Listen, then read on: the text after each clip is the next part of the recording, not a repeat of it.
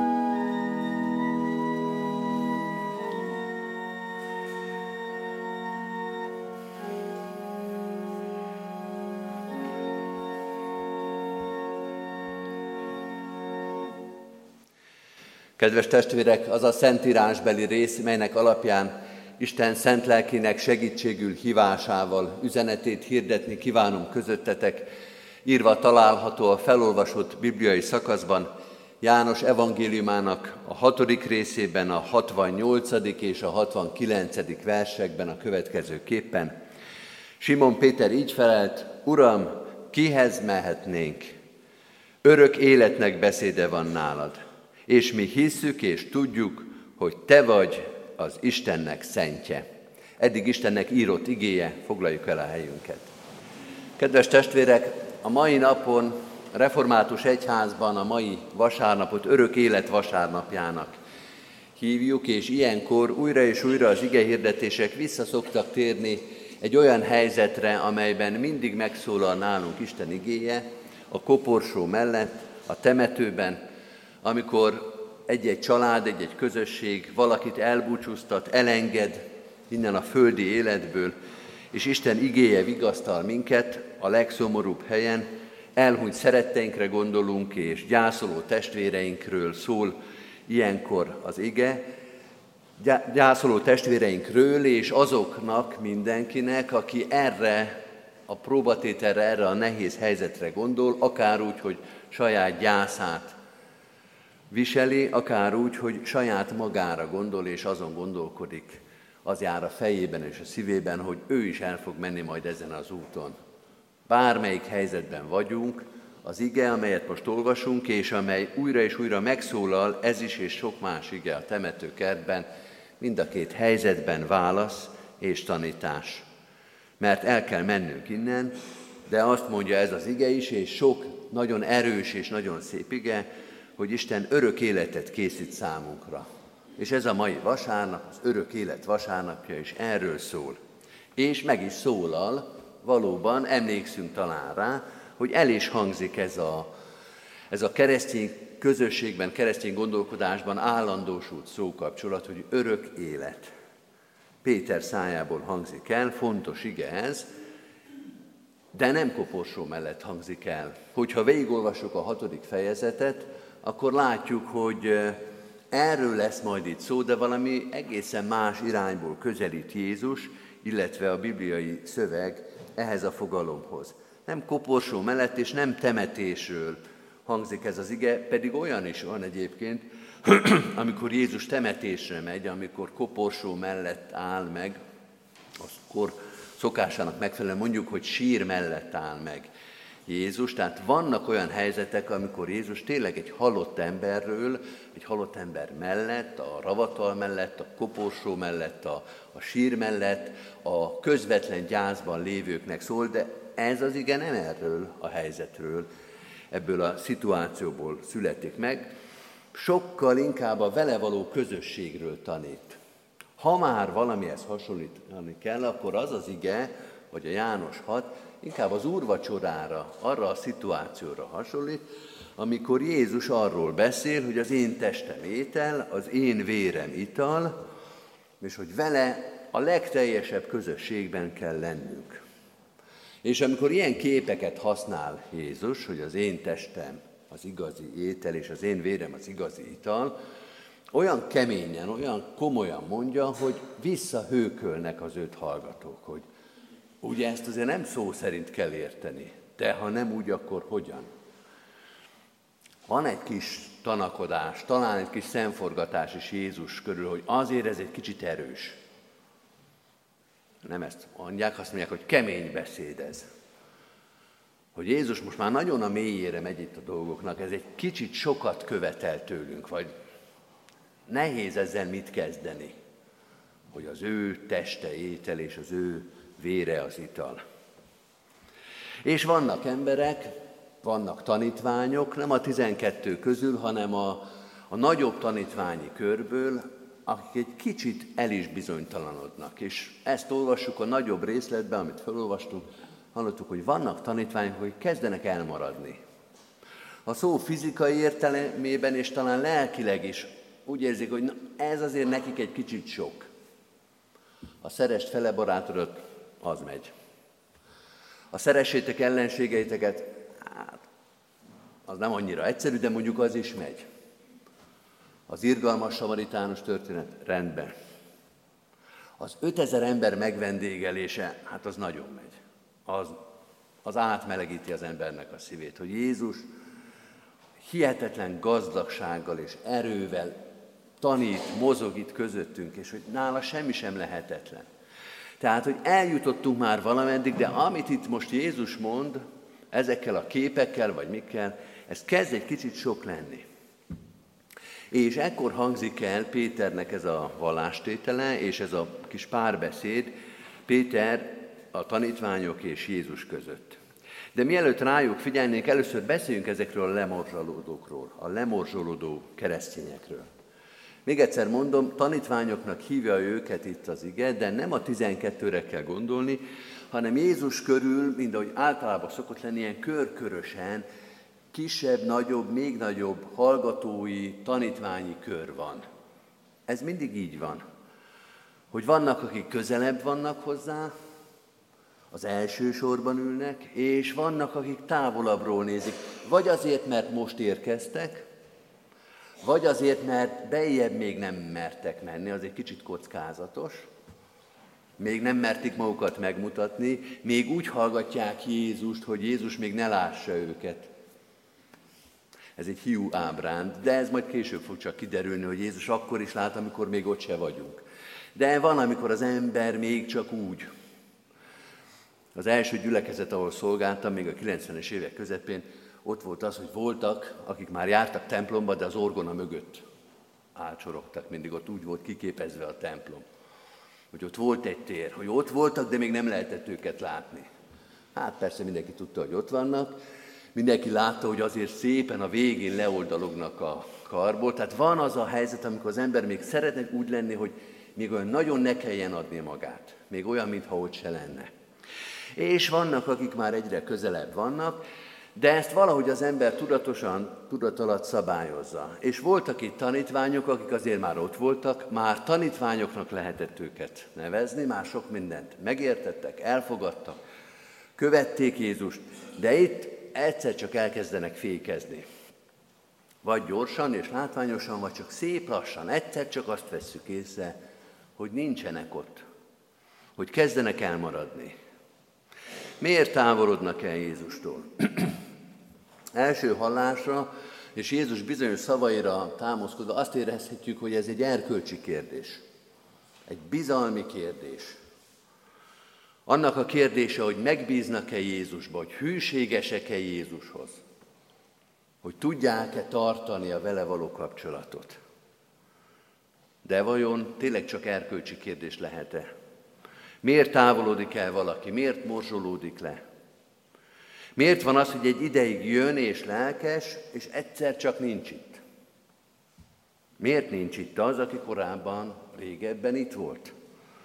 És ott volt Jézus mellett, és úgy tartottuk számon, mint Jézus Krisztus tanítványát, úgy tartottuk számon, mint a gyülekezetüknek a tagját, és egyszer csak már nem is olyan régóta, vagy már régóta nincsen itt.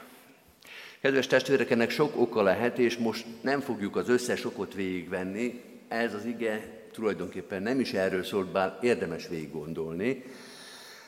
Inkább csak annyit mondanék, hogy nem csak hitbeli okai lehetnek annak, hogy valaki nincsen itt, lehetnek nagyon emberi okai is, konfliktusok, élethelyzetek, nehezen vállalható vagy teljesen vállalható dolgok, betegség, elköltözött, új munkahelye van, ikrei születtek, házat épít. Szóval úgy vannak olyan helyzetek, amikor az ember megért, hogy hát most egy kicsit neki nehezebb, kevesebbet tud jönni. De most nem ez az érdekes, mint ahogy itt sem erről van szó. Túl sok. Amit Jézus mond, az túl sok. Ez még neki sok. Ő még nem tart itt. Még a szépnél, még a jónál, még a könnyen befogadhatónál még az irgalmas samaritánosnál, még az 5000 ember megvendégelésénél tart. Az egyébként nem kevés, de az egy kezdőfokozat, egy kezdőkurzus. A hit is szintekből áll, mint a matematika, vagy szinte minden tudás. És az, amit itt Jézus mond, az az egyetemi színvonal. Az én testem étel és az én vérem ital. És nem lehet csodálkozni, hogy ez bizonyos embereknek még sok. Mint a matematika, amikor mondjuk a másodfokú egyenlettel kezdjük, akkor nem csodálkozunk, és nem botránkozunk meg, hogyha az alsósok azt még nem értik. Ha leteszik a tollat, és nem, nem, most ez mi? Azt még neki nem kell tudni, majd el fog jutni oda, de van olyan helyzet, amikor ez, és még utána van a matematikában sok minden, az még neki sok. Azzal ő még nem tud mit kezdeni. Mondok egy másik példát. Eszterházi Péter írja, hogy ő futbalista volt. És utána hozzáteszi, hogy egy negyed osztályban. És amikor ezt hozzáteszi, akkor mindig látja a beszélgető partnerei szemébe, hogy elnevetik magukat. Mint hogyha ezzel, hogy ő negyed osztályban volt futbalista, ezzel visszavonná ezt az állítást. Önmaga megkérdőjelezni. Pedig, mondja Eszterházi, a futball az egy ugyanolyan hierarchizált tudás, mint minden más.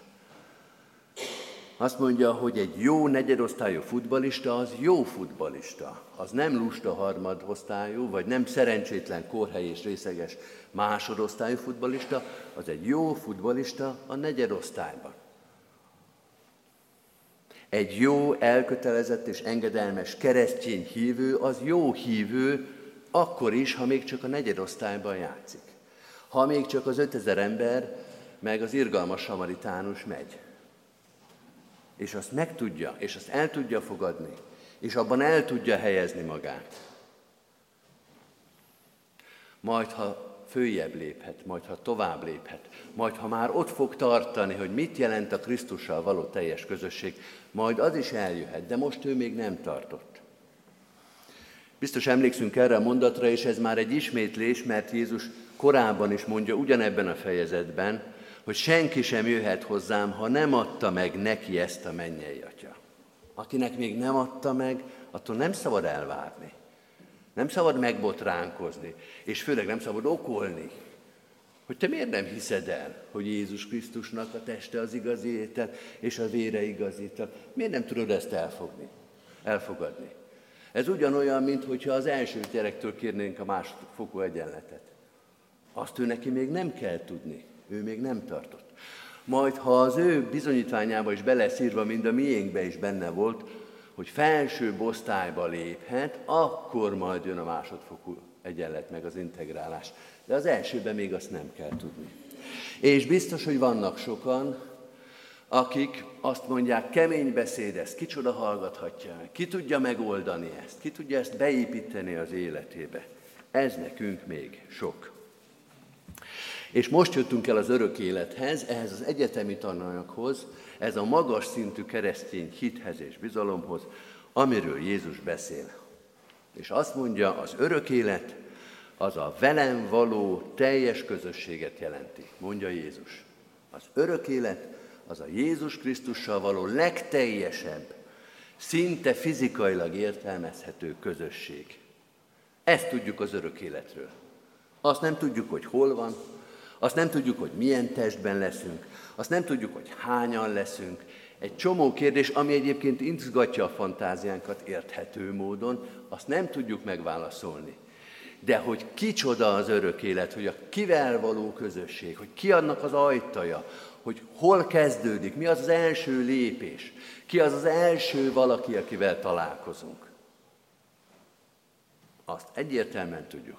A velem való teljes közösség, mondja Jézus. Jézus nem azért jön, mondja itt a tanítványoknak, és tanítja végig, hogy megjavítsa a földi életünket, hogy illedelmessé és kedvessé tegye azt. Egyébként ez is megtörténik, megjavítja a földi életünket, illedelmessé, vagy legalábbis kedvessé teszi azt, de nem ez a célja. Nem ez a végső cél, nem ezért lett ő emberré, hanem az örök élet miatt. És most gondolhatunk az elköltözött szeretteinkre, vagy gondolhatunk magunkra is, akik majd innen el fogunk költözni, hogy ezért jött a mi Úrunk. Hogy ezt a kérdést megoldja, hogy erre választ adjon. A Jézussal való viszony, a keresztény hit erről szól, az örök életről, az üdvösségről, arról, hogy az életünk több, mint a földi létünk. Ez kemény beszéd, de Jézus azt mondja, én ezt fogom hozni nektek, ezt adom nektek. A keresztény hit ez, nem az egyháztagság, meg nem az egyház fenntartói járulék, de egyébként az is úgy, hogy tessenek szívesen befizetni az egyház fenntartó járulékot, és megnézni itt a kiáratnál, hogy benne vannak-e a választói névjegyzékbe, de Jézus ennél sokkal-sokkal magasabbra teszi a mércét. És azt mondja, örök életet és üdvösséget akarok nektek adni.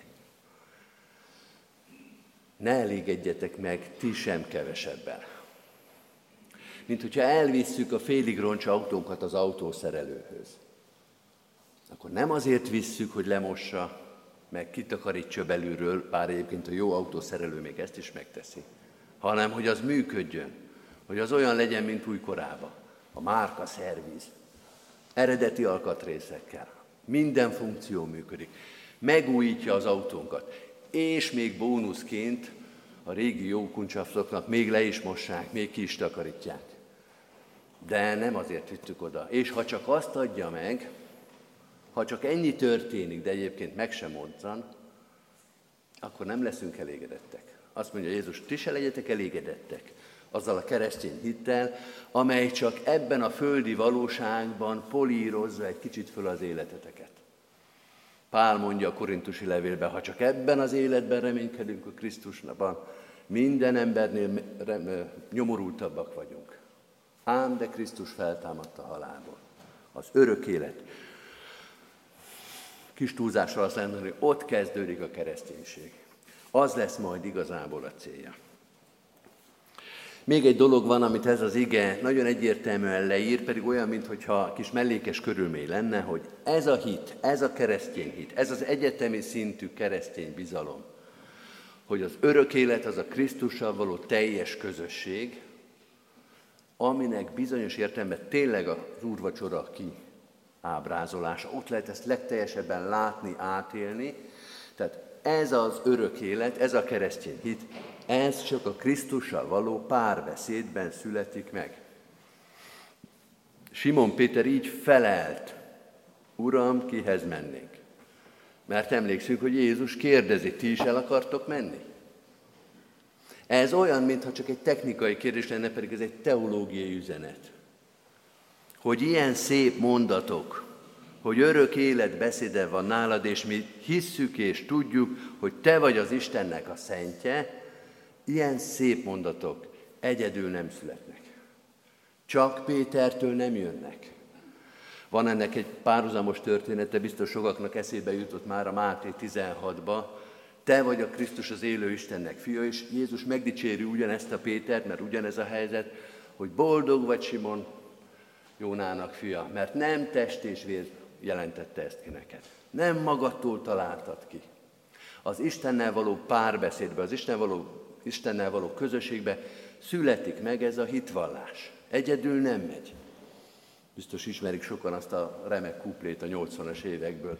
Két zseniális magyar színész énekelte. Nem kifejezetten erre gondoltak, de erre is igaz, hogy egyedül nem megy.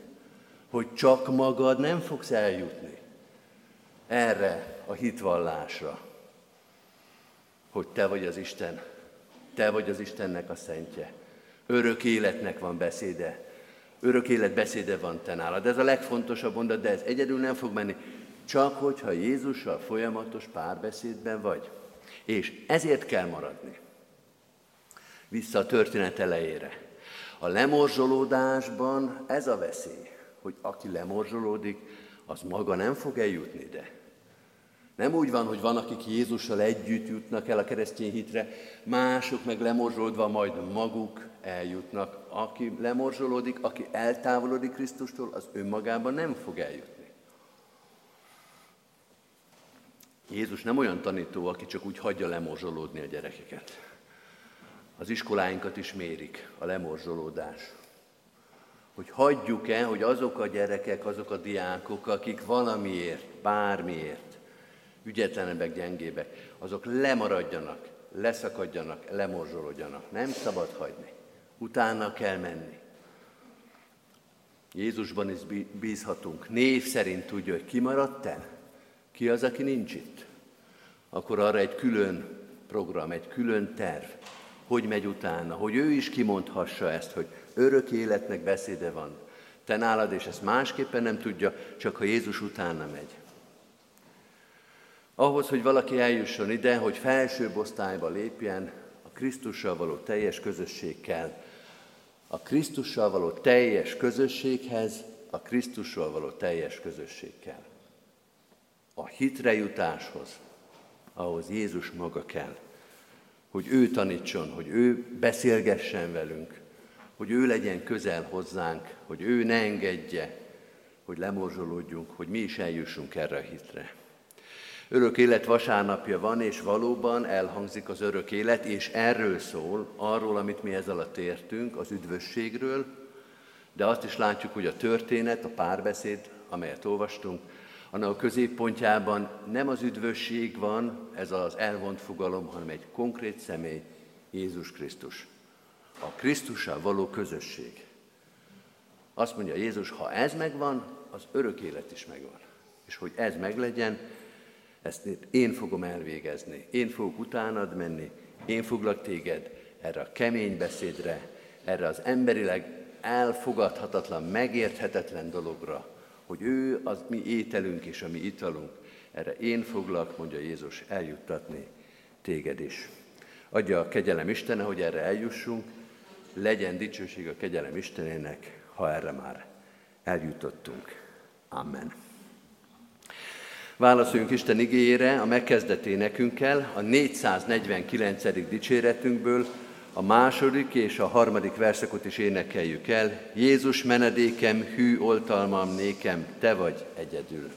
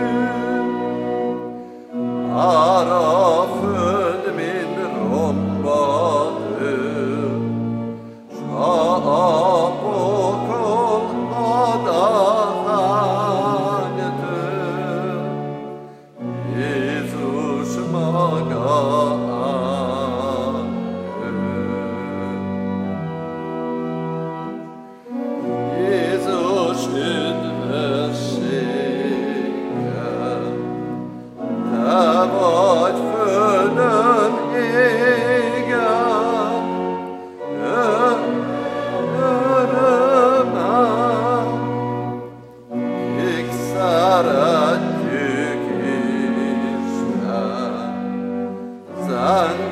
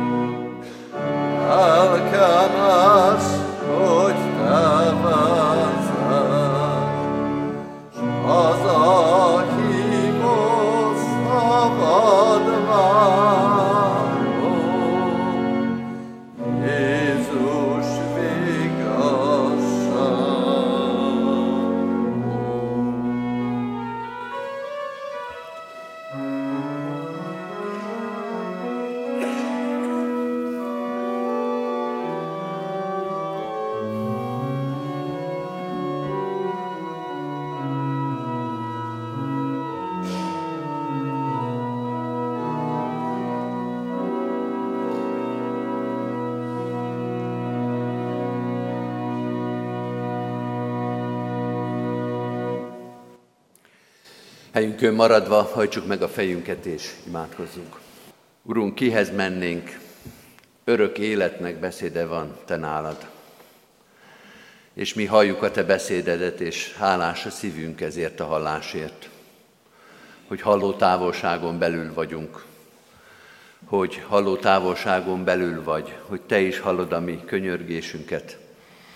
Azt is, amit senki más nem hall, mert ki sem tudjuk őket mondani, mert meg sem tudjuk fogalmazni, mert még nyelvünkön sincs a szó. Te már ismered, hallod, tudod, sőt a válasz is kész van te nálad. Áldunk és magasztalunk ezért a közelségért, akkor is, hogyha sok mindent nem értünk.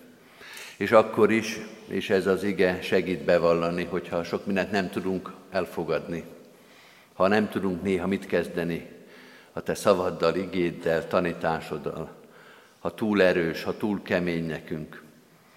Urunk, légy türelmes velünk. Lásd meg, hogy mit értünk és mit nem értünk, mit fogadunk el, és mi az, amivel nem tudunk mit kezdeni. És taníts minket, és magyaráz, és vezess el minket a teljes tudásra, a teljes veled való közösségre.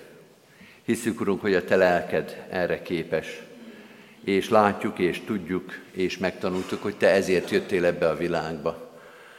Nem csak egy-egy jó pillanatot akar szerezni nekünk, nem csak az életünket akarod egy kicsit fényezni, hanem örök életet hoztál nekünk. Áldunk és magasztalunk ezért, és könyörgünk is azért, hogy ennek a hitnek, ennek a reménységnek ereje el ne vesszen a szívünkből.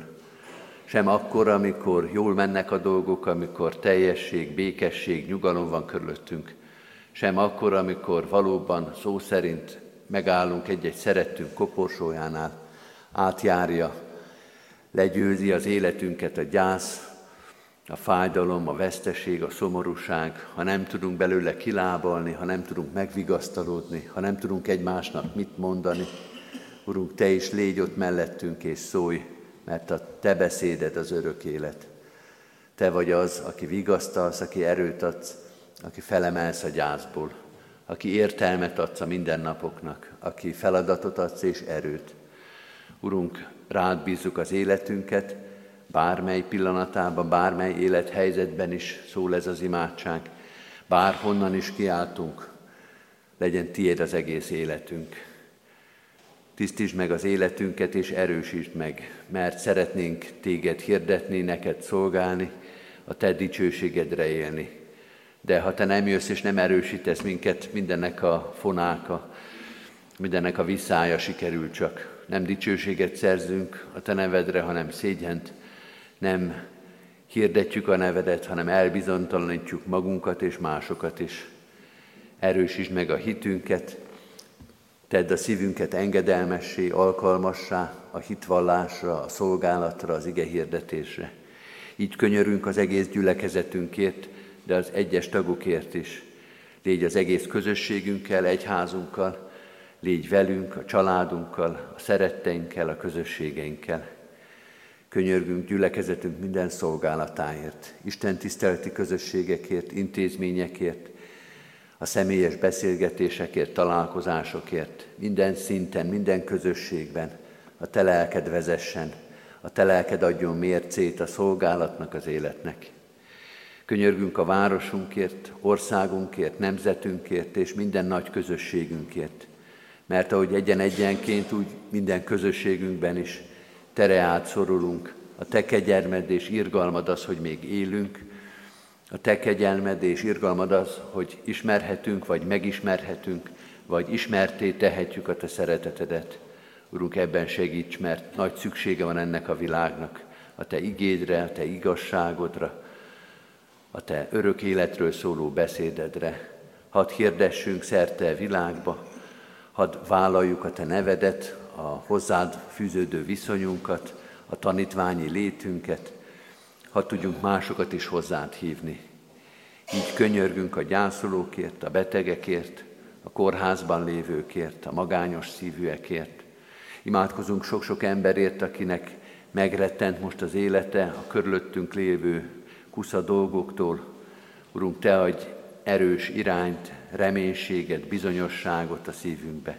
Ad, hogy ne féljünk veled együtt szembenézni a bizonytalansággal a holnappal.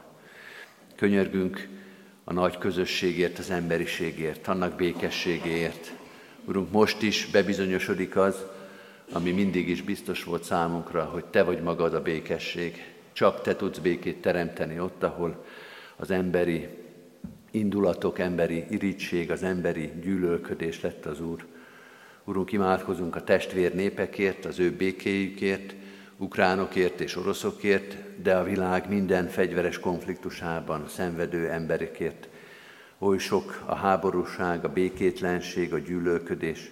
Urunk, jöjj el, békesség fejedelme, áldj meg bennünket, a szeretettel, az elfogadással, a megbocsátással. Kötözd be sebeinket, gyógyíts, gyógyíts betegségeinket, fájdalmainkat, Jézus Krisztusért, ami Urunkért. Amen. Egy rövid, csendes percben vigyük most Isten elé imádságainkat.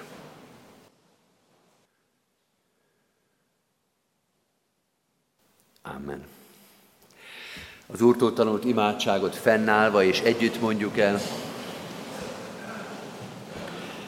Mi, Atyánk, aki a mennyekben vagy, szenteltessék meg a Te neved. Jöjjön el a Te országod, legyen meg a Te akaratod, amint a mennyben, úgy a földön is. Minden napi kenyerünket add meg nékünk ma, és bocsáss meg védkeinket, miképpen mi is megbocsátunk az ellenünk védkezőknek. És ne vigy minket kísértésbe, de szabadíts meg a gonosztól, mert tiéd az ország, a hatalom és a dicsőség mind örökké. Amen.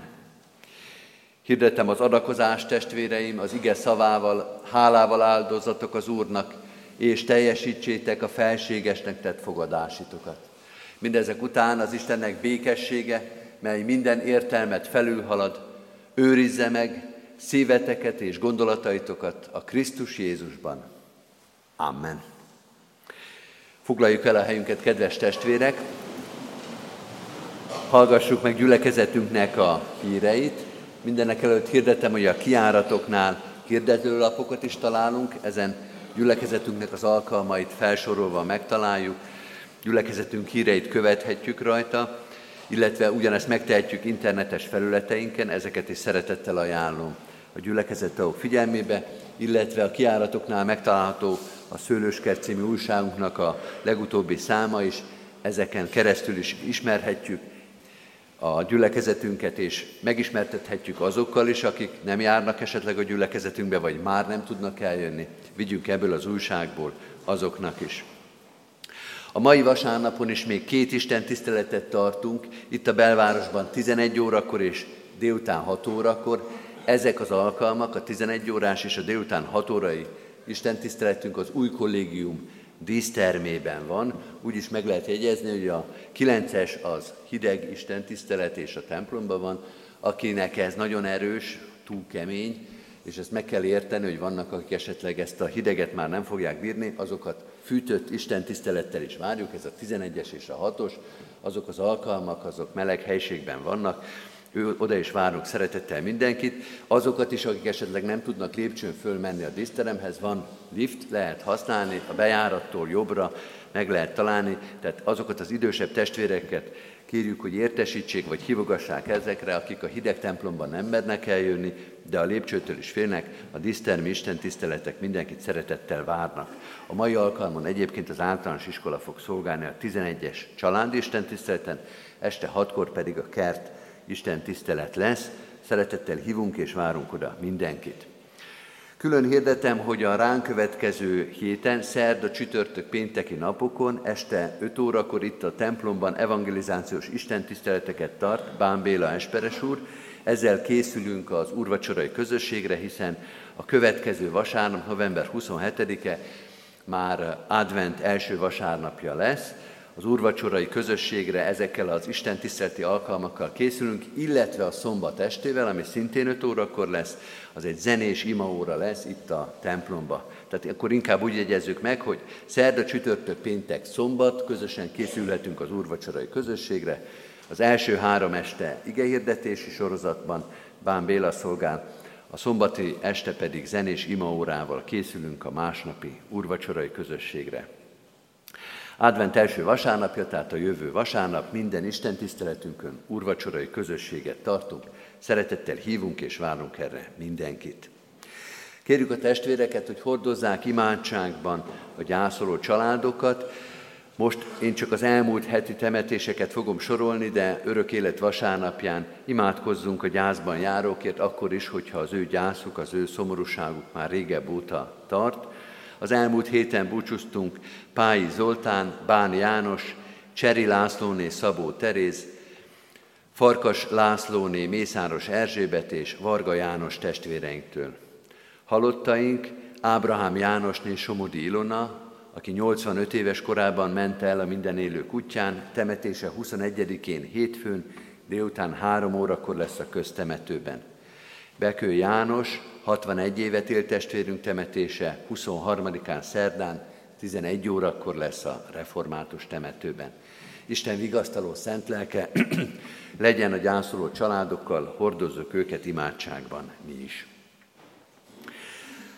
Köszönettel hirdetjük az adományokat. Az elmúlt héten mintegy 788 ezer forint érkezett gyülekezetünk pénztárába, ebből nagyon sok volt az egyház fenntartó járulék.